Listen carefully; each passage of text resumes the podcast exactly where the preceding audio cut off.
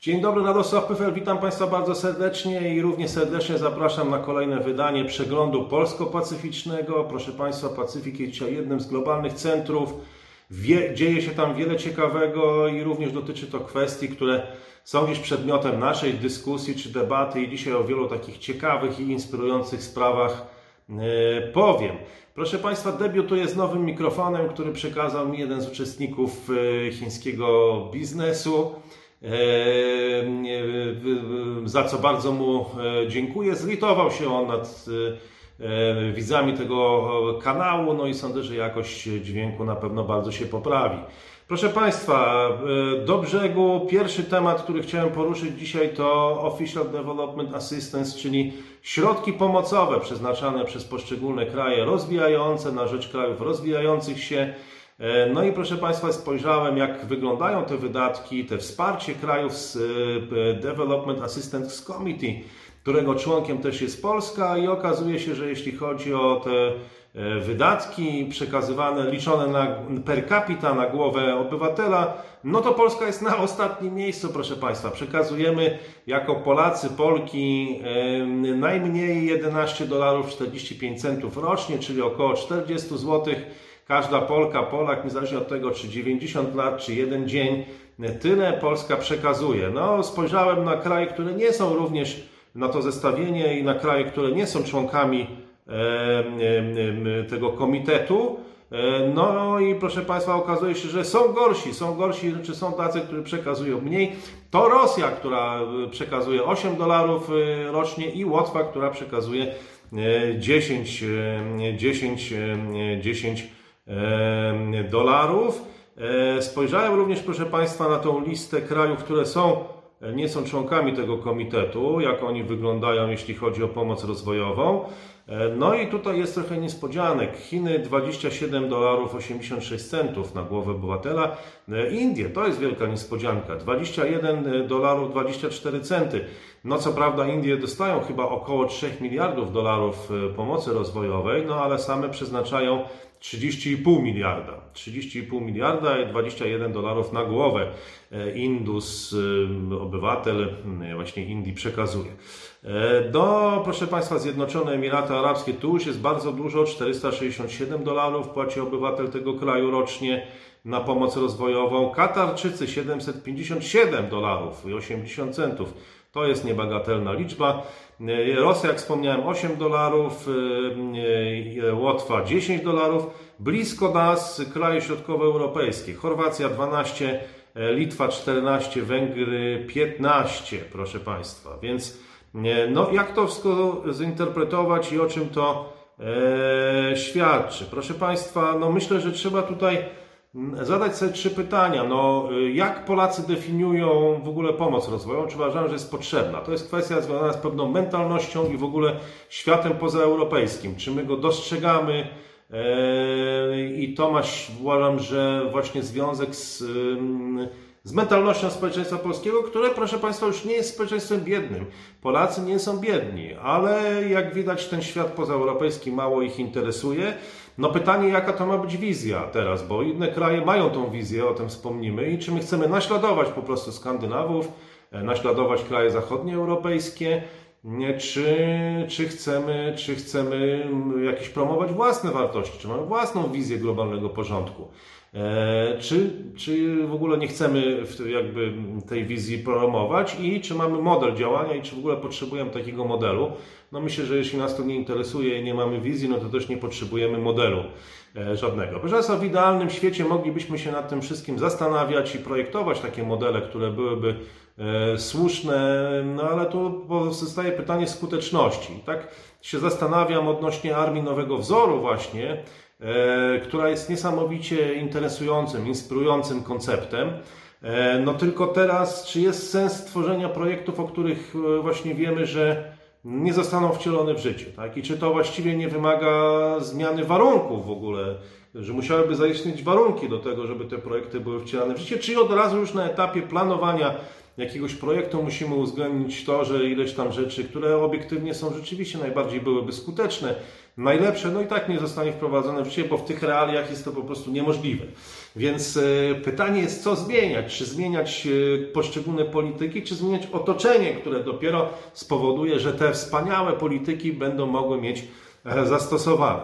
Ale to pierwsza taka refleksja. Druga, proszę Państwa, to taka, że na przykład nie przekonuje mnie argument, że to jest sprawa krajów, które są krajami postkolonialnymi, że one mają jakiś dług do spłacenia. Bo jeżeli spojrzymy na czołówkę tych donatorów, proszę Państwa, no to E, no to tam znajdują się głównie e, głównie e, tak, Norwegia na pierwszym, kraje skandynawskie, Norwegia pierwsza, Szwecja, Luksemburg, Dania, Szwajcaria, to jest pierwsza piątka. No nie są to kraje, które, nie wiem, no mają jakiś do spłacenia jakiś dług, poczucie winy. To tak, myślę, że w polskim myśleniu jest tak, że my byśmy chcieli, no, żeby było sprawiedliwie, tak, żeby były te rachunki wyrównane. My żadnych nie mamy, więc dajcie nam e, spokój. Ale proszę Państwa, no właśnie Skandynawowie, dlaczego są w czołówce? Przecież nie mają żadnego poczucia winy. No ale mają pewną wizję, mają wartości, które chcą promować. Promują demokrację, społeczeństwo obywatelskie, promują zieloną ekologię, promują eko, e, zieloną energię, przepraszam, promują e, ekologię, promują aktywizację zawodową kobiet, no, promują mniejszości seksualne. E, no a Polska, jaką wizję ma Polska? No to jest wizja skandynawska, no można się z tym zgadzać lub nie zgadzać, no ale Polska czy jakąś wizję ma? No wydaje mi się, że Polska ma trochę taką wizję jednak cały czas jako kraju rozwijającego się. Jako kraju, który właśnie chciałby pobierać pieniądze, jakieś właśnie środki od organizacji międzynarodowych, czy też od Unii Europejskiej, a niekoniecznie promować jakieś, e, jakieś wartości, które sama podziela. Przecież nie jesteśmy już biednym, e, biednym społeczeństwem. No to wszystko też wymaga, proszę Państwa, e, no stworzenia jakiegoś modelu.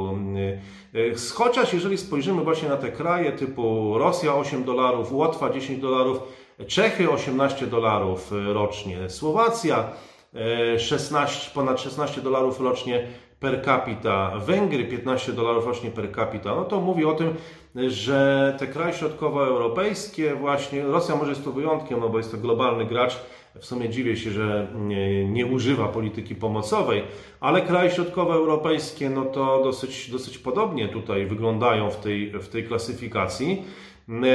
No i właśnie, proszę Państwa, popuśćmy te wodze fantazji, Chociaż to jest oczywiście niemożliwe, wszystko to, co tutaj powiemy, no bo wiemy, że tu wiele musiałoby się zmienić, żeby to było realne, ale ten kanał jest takim trochę kanałem niszowym, gdzie rozwijamy wyobraźnię właśnie.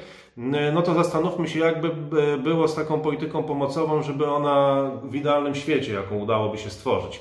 No więc, proszę Państwa, wydaje mi się, że tu barierą jest to, że e, w Polsce no, pomoc czy e, polityka pomocowa znaczy przekazywanie jakby jakby jałmużny, jakichś datków właśnie, że to jest taka kultura miłosierdzia, że wspiera się, że daje się pieniądze no, w, w ten sposób, więc nie ma jakby kultury e, dawania tych e, pieniędzy, czy kultury pomocowej powiedziałbym. E, I moim zdaniem to utrudnia sprawę. To utrudnia sprawę, no bo od razu społeczeństwo się do tego ustawia w ten sposób, że nic z tego nie mamy, E, dajemy na jakichś nierobów albo na jakichś kacyków, co będą robić jakieś wałki i sobie te pieniądze, mówiąc krótko, przytulą, tak? Podejrzewam, że może myśleć przeciętny Polak i może z oburzeniem, już może nie dotrwał nawet do tej ósmej minuty, bo, bo już nie chce tego oglądać, bo, bo uważa, że to 11 dolarów to i tak jest za dużo. E, I ta kalkulacja właśnie przeciętnego Polaka, e, znaczy ta kultura miłosierdzia może doprowadzić do takiej kalkulacji właśnie E, przeciętnego Polaka. No ale proszę Państwa, no są, nie wiem, ja miałem dużo spotkań ostatnio z młodymi ludźmi i tak myślę, co by było, żeby oni mieli jakąś fajną, ciekawą praktykę, żeby sobie coś spróbowali, jakiegoś kontaktu ze światem pozaeuropejskim. E, no i to byłoby świetne przy tej, e, przy tej e, polityce pomocowej, bo pomagalibyśmy tym młodym ludziom, żeby oni mogli zobaczyć, że poza Europą też istnieje jakiś świat. Mamy dużo, dużo naukowcy, mogliby też w tych projektach brać udział, jakieś polskie firmy. To naprawdę nie chodzi o to, żeby dać jakieś pieniądze jakimś ludziom poza Europą, tylko żeby im pomóc i się też czegoś nauczyć, zdobyć jakieś doświadczenie, kontakty. No tylko oczywiście, proszę Państwa, trzeba się interesować tym światem pozaeuropejskim. A tam jest naprawdę bardzo ciekawie. No i też trzeba po coś to robić, bo to jest nie tylko przekazywanie pieniędzy. W ten sposób to jak nie ma powodu, to nawet te 40 zł rocznie, które przekazujemy, to też nie ma sensu, bo to prawdopodobnie tylko chodzi o to, żeby uniknąć obciachu i żeby nie było wstydu, żeby pokazać takie zagranie na alibi, że coś tam e, dajemy, ale tam niewiele z tego wynika. E, a Polska, proszę Państwa, jak już mówiłem, biednym krajem nie jest. No i może, może czas na zmianę tego pewnego paradygmatu, ale oczywiście, proszę Państwa, to jest w idealnym świecie, realia znamy, bądźmy no, realistami, tutaj troszeczkę popuściłem wodze fantazji, ale taka jest formuła tego, e, tego kanału. Proszę Państwa, prezydent e, Andrzej Duda otrzymał życzenia od przewodniczącego Chińskiej Republiki Ludowej, życzenia szybkiego powrotu do zdrowia no, z powodu koronawirusa, co wywołało no, sporą euforię w, polskiej, w polskim establishmencie. E, no i proszę Państwa, to trafia, trafia właśnie w takie myślenie, że jeżeli przewodniczący Xi składa życzenia szybkiego powrotu do zdrowia, no to, e, to znaczy, że jesteśmy bardzo ważnym krajem, że to jest nie tylko bardzo miłe, bo jest to bardzo miłe, no ale to świadczy o mm, wysokiej pozycji e, Polski. E, no, druga rzecz, która w tej euforii jest taka widoczna, to taka, że nikt się tego nie spodziewa, bo dla nas jakby Chiny nie istnieją. A to, że, e, że właśnie z Chin, no jednak jak już ten prezydent czy przewodniczący Chin sobie przypomniał, e, że polski prezydent ma koronawirusa i one już zaistniały w naszych głowach, no to okazuje się, że że nikt się tego nie spodziewał i że tu aż przypomniano sobie o Polsce. I, i, i wtedy przypomina sobie, że Chiny to jest jednak rzeczywiście no, dzisiaj kraj numer dwa e, na świecie. Nawet niektórzy już mówią, że numer jeden, no niektórzy, że to, że to jest jedno z głównych tam e, biegunów tego ładu globalnego, no ale kraj bardzo ważny i i znaczy, że Polska teraz też jest taka bardzo ważna, bo to jest nie, taka miła niespodzianka. No i proszę Państwa, po trzecie, myślę, że my jesteśmy bardzo wrażliwi zawsze, że ktoś tam zrobi sobie zdjęcie z nami właśnie z tych mocarstw, że pochwali. E, no, proszę Państwa, oczywiście jest to bardzo miłe, yy, trzeba się z tego cieszyć, no ale to też nic wielkiego. No, zresztą tak prawdę mówiąc, brałem udział w różnych kilku spotkaniach z, prezydent, z przewodniczącym Xi Jinpingiem, no i spodziewałem się, bo taki trochę jest jego styl, no nie chcę tu wchodzić w szczegóły, ale spodziewałem się.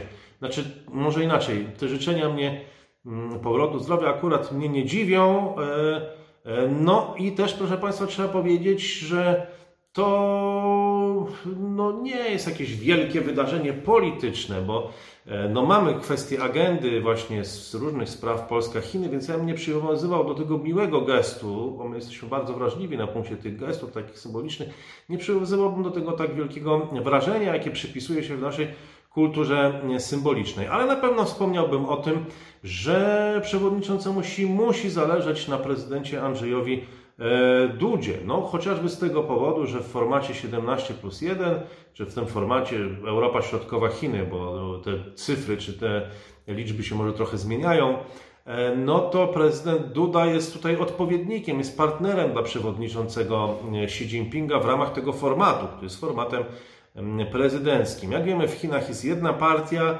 w Polsce właściwie też jest jedna partia wybrana wolą wyborców, wybrana wolą wyborców, no ale mimo tego, że jest jedna partia, jest kilka e, ośrodków władzy, więc trochę różnie się rozkładają e, akcenty. Na przykład e, premier myślę, że trochę nieświadomie, ale agresywnie wypowiadał się o Chinach. Często mówił, że mm, jesteśmy w konflikcie, trzecia wojna światowa z Chinami.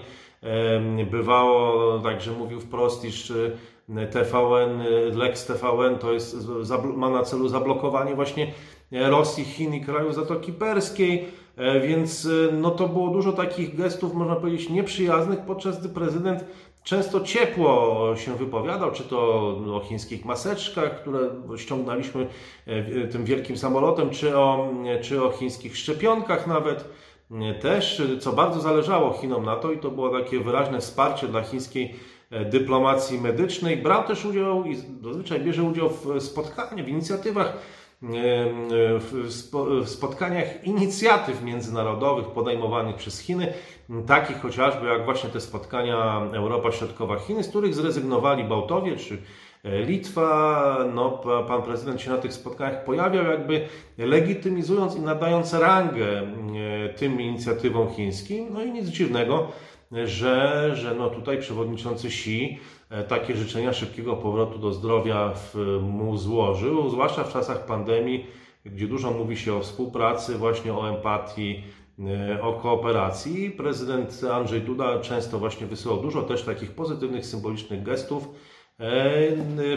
co nie zawsze, nie wszystkie ośrodki władzy w Polsce jakby taką wolę komunikowały. Na pewno można zaliczyć do tej grupy też ministra Rała, który prowadził bardzo wyważoną politykę w 2021 roku, no ale inni niekoniecznie wysyłano często sygnały właśnie takie konfrontacyjne, czy nawet można by powiedzieć wojenne.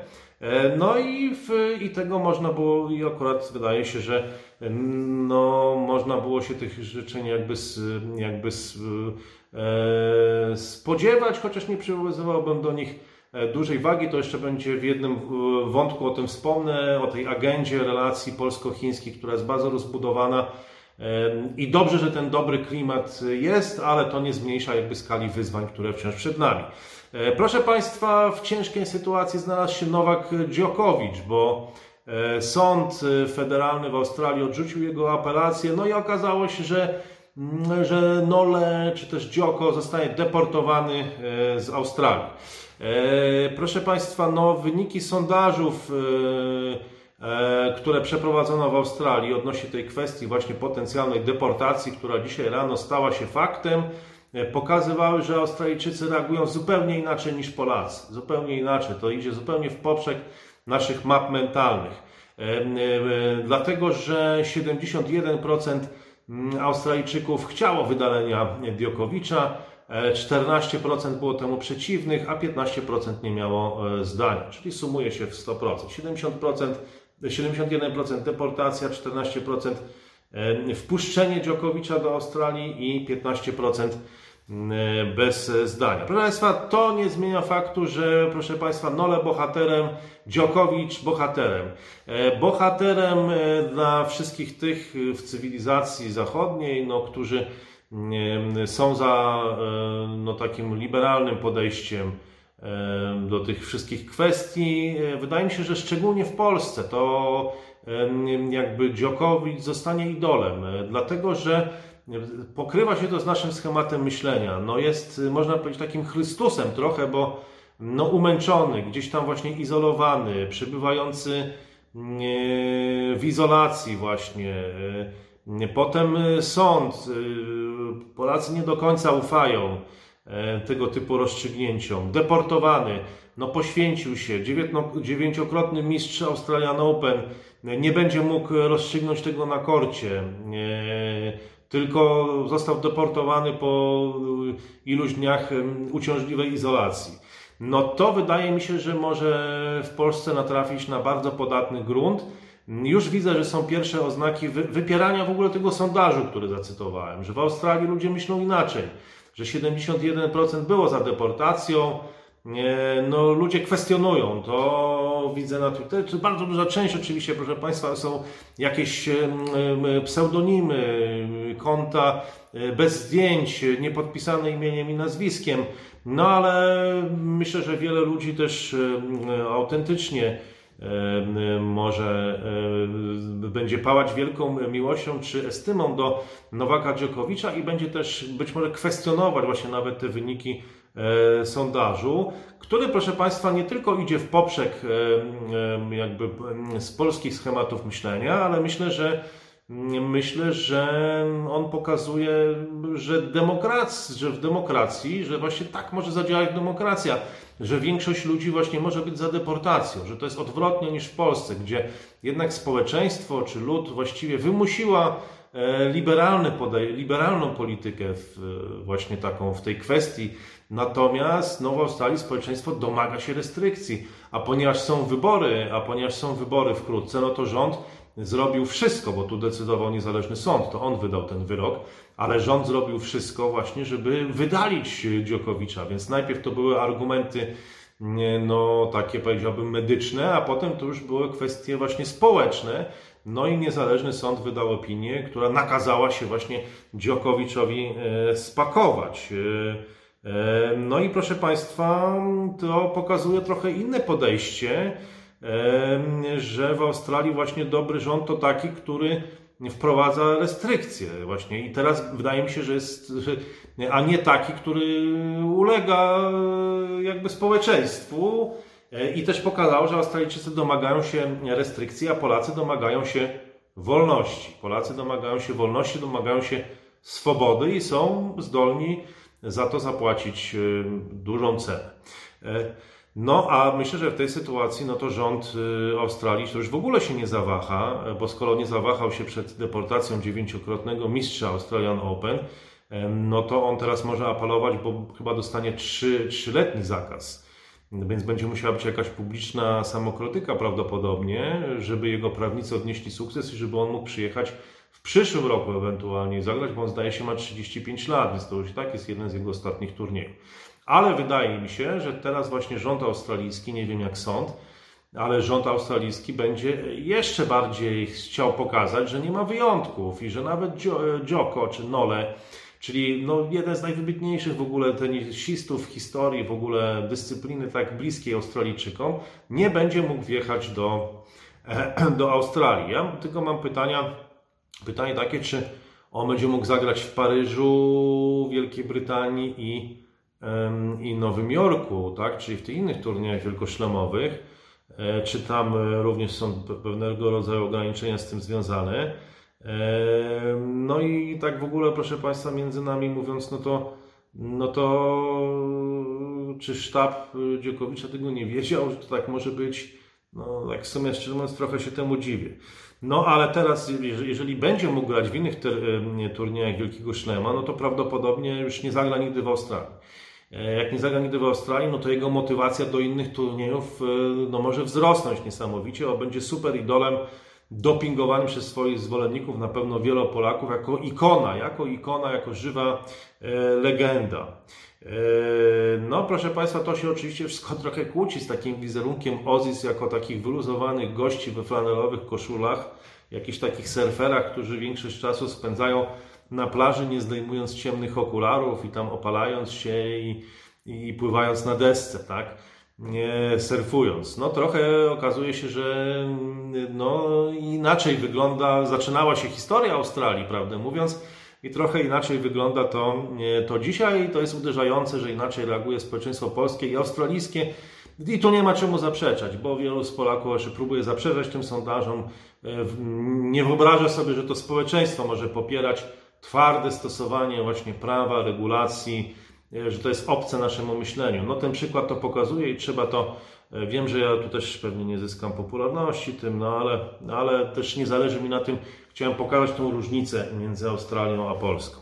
Proszę Państwa, w rocznicę e, też no, takich wydarzeń w Stanach Zjednoczonych dosyć, no, powiedziałbym, no, emocjonujących, Bana na Facebooku otrzymała Konfederacja, już nie tylko Donald Trump, ale i Konfederacja. I to e, premier Morawiecki e, odniósł się do tego, więc po raz pierwszy właściwie już po roku e, tej, kiedy rozpoczęła się już ta walka między państwem a korporacjami w świecie zachodnim, premier rządu RP skrytykował globalne korporacje już tak wprost, mówiąc o tym, że no jednak Konfederacji wyłączać nie należało.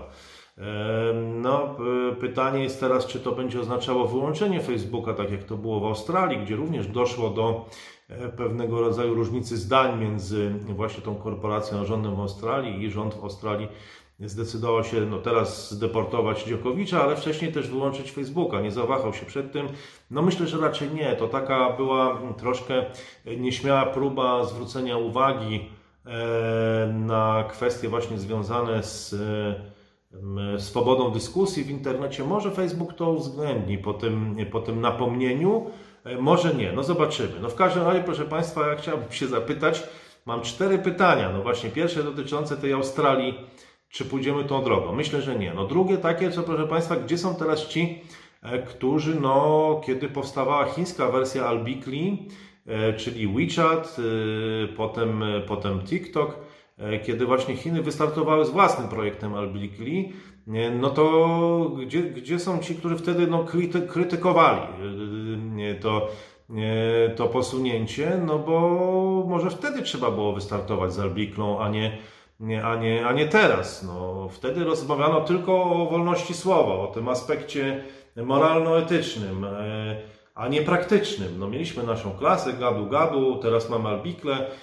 No, e, jak to, jak to jak to zorganizować? Tu bym był bardzo ciekawy różnych głosów, zwłaszcza ludzi, którzy się wtedy wypowiadali na ten temat, jak oni postrzegają tą sytuację dzisiaj.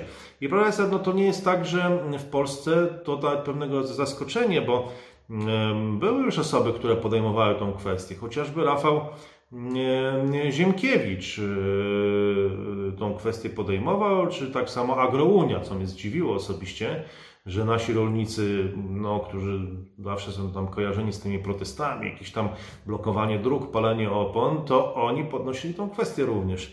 To jest bardzo ciekawe. No to, co mnie, proszę Państwa, ciekawi, to pytanie mm, numer trzy. No dlaczego lewica polska się nie podnosi tej kwestii?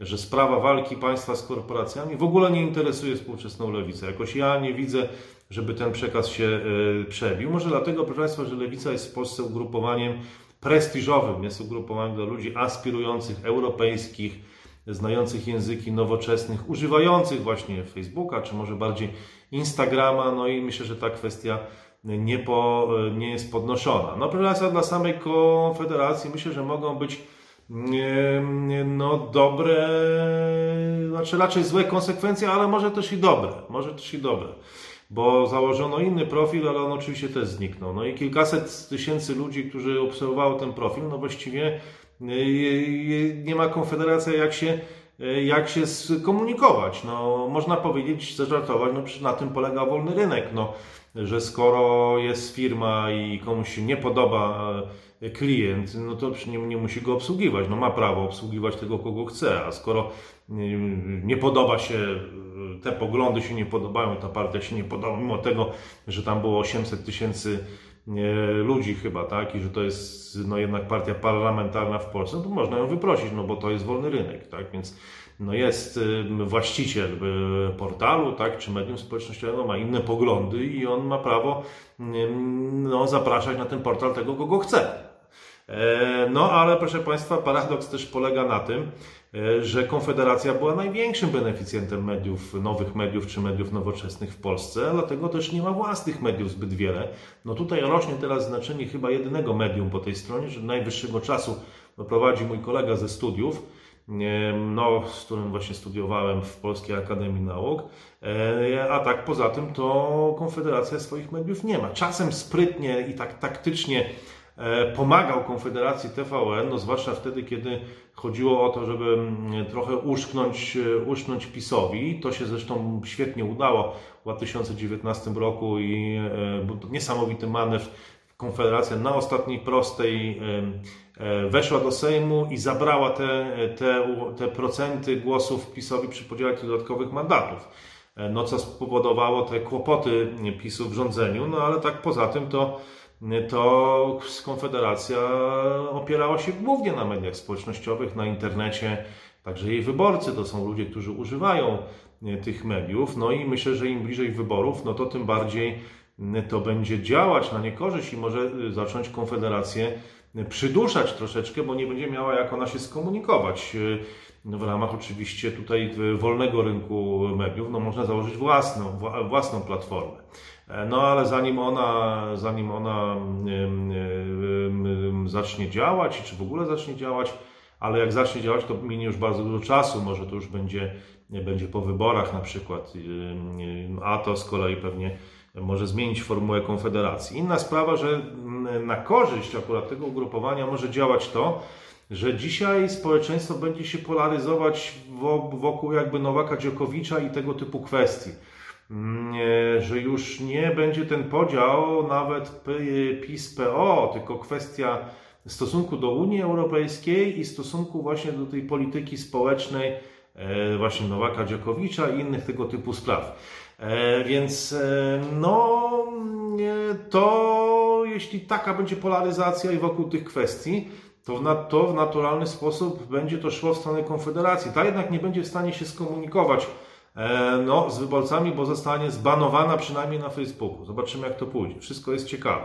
Proszę Państwa, no, kolejna kwestia, o której chciałem się krótko już odnieść, to, to dyskusja o ostatnich sytuacji na granicy z Białorusią i pytanie, czy my w ogóle mogliśmy ten konflikt wygrać, bo wiele osób mówi nie bez racji, nie bez racji, że zatrzymaliśmy falę e, tych uchodźców i na tym poziomie wygraliśmy, ale przegraliśmy dyplomatycznie, no bo Angela Merkel wtedy jeszcze, czy kraje europejskie, no co prawda oczywiście z wielkim obrzydzeniem, z wielką rezerwą też trzeba powiedzieć, no ale jednak podjęły te rozmowy z Aleksandrem e, Łukaszenką i sprawa została załatwiona dyplomatycznie E, bez nas. E, no więc proszę Państwa, pytanie, czy mogliśmy, czy kiedy doszło do tego konfliktu, to czy mogliśmy go wygrać. No więc albo bylibyśmy jako taki junior partner w tych rozmowach pominięci, bo pamiętamy jak to było z Ukrainą, gdzie też dyskutowano i bez Polski właściwie,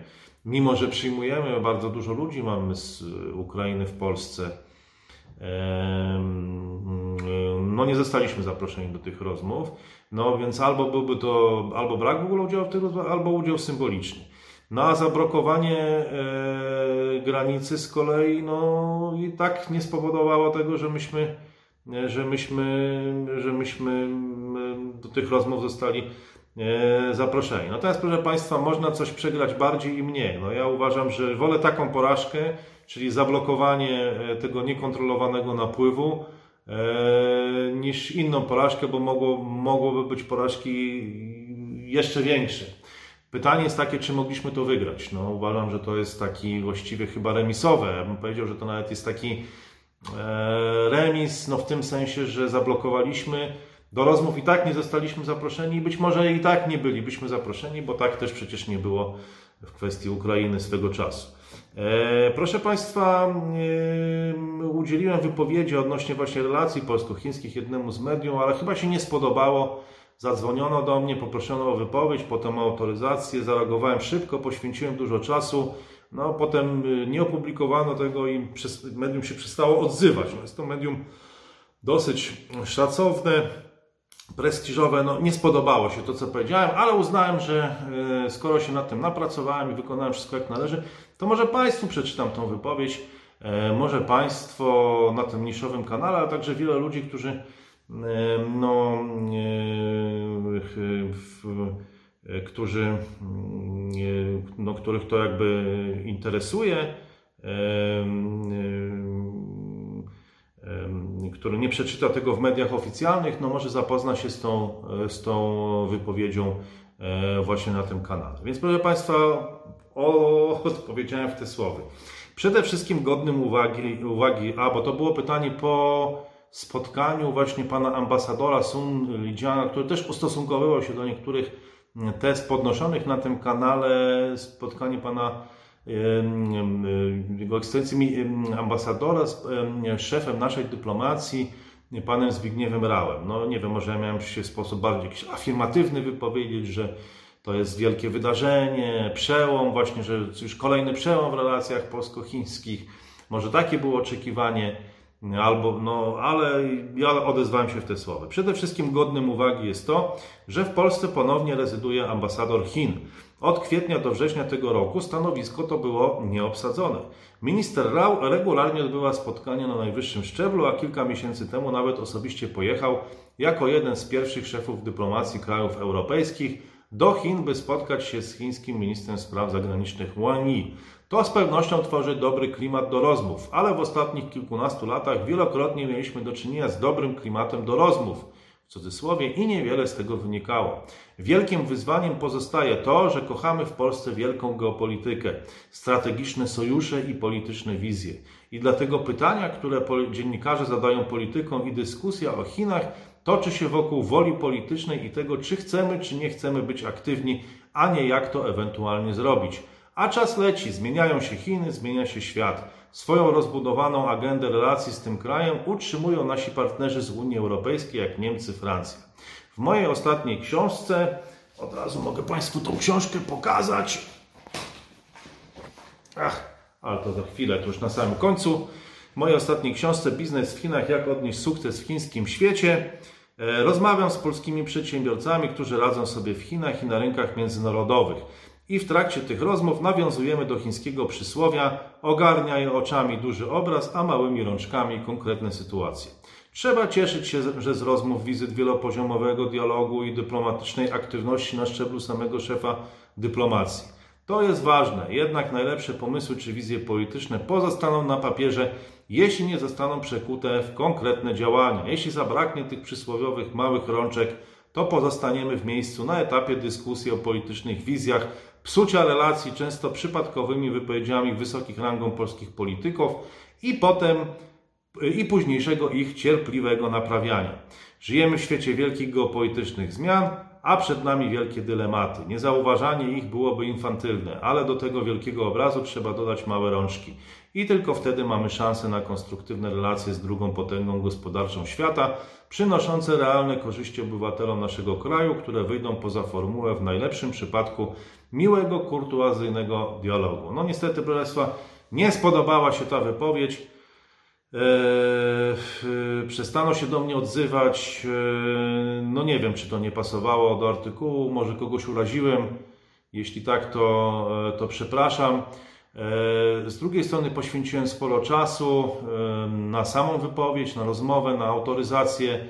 No, potem przestano się do mnie odzywać. No ale skoro się napracowałem i poświęciłem tyle czasu, no to chociaż Państwu to przeczytałem, może uznacie to za ciekawe, interesujące.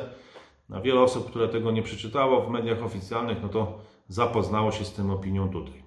E, proszę Państwa, mam nadzieję, że e, się spodobało. To był e, przegląd subiektywny oczywiście. W żadnym wypadku proszę nie rozpowszechniać tego materiału i nie popularyzować go wśród osób nierozumiejących procesów politycznych. Nie ma sensu nikogo niepotrzebnie denerwować.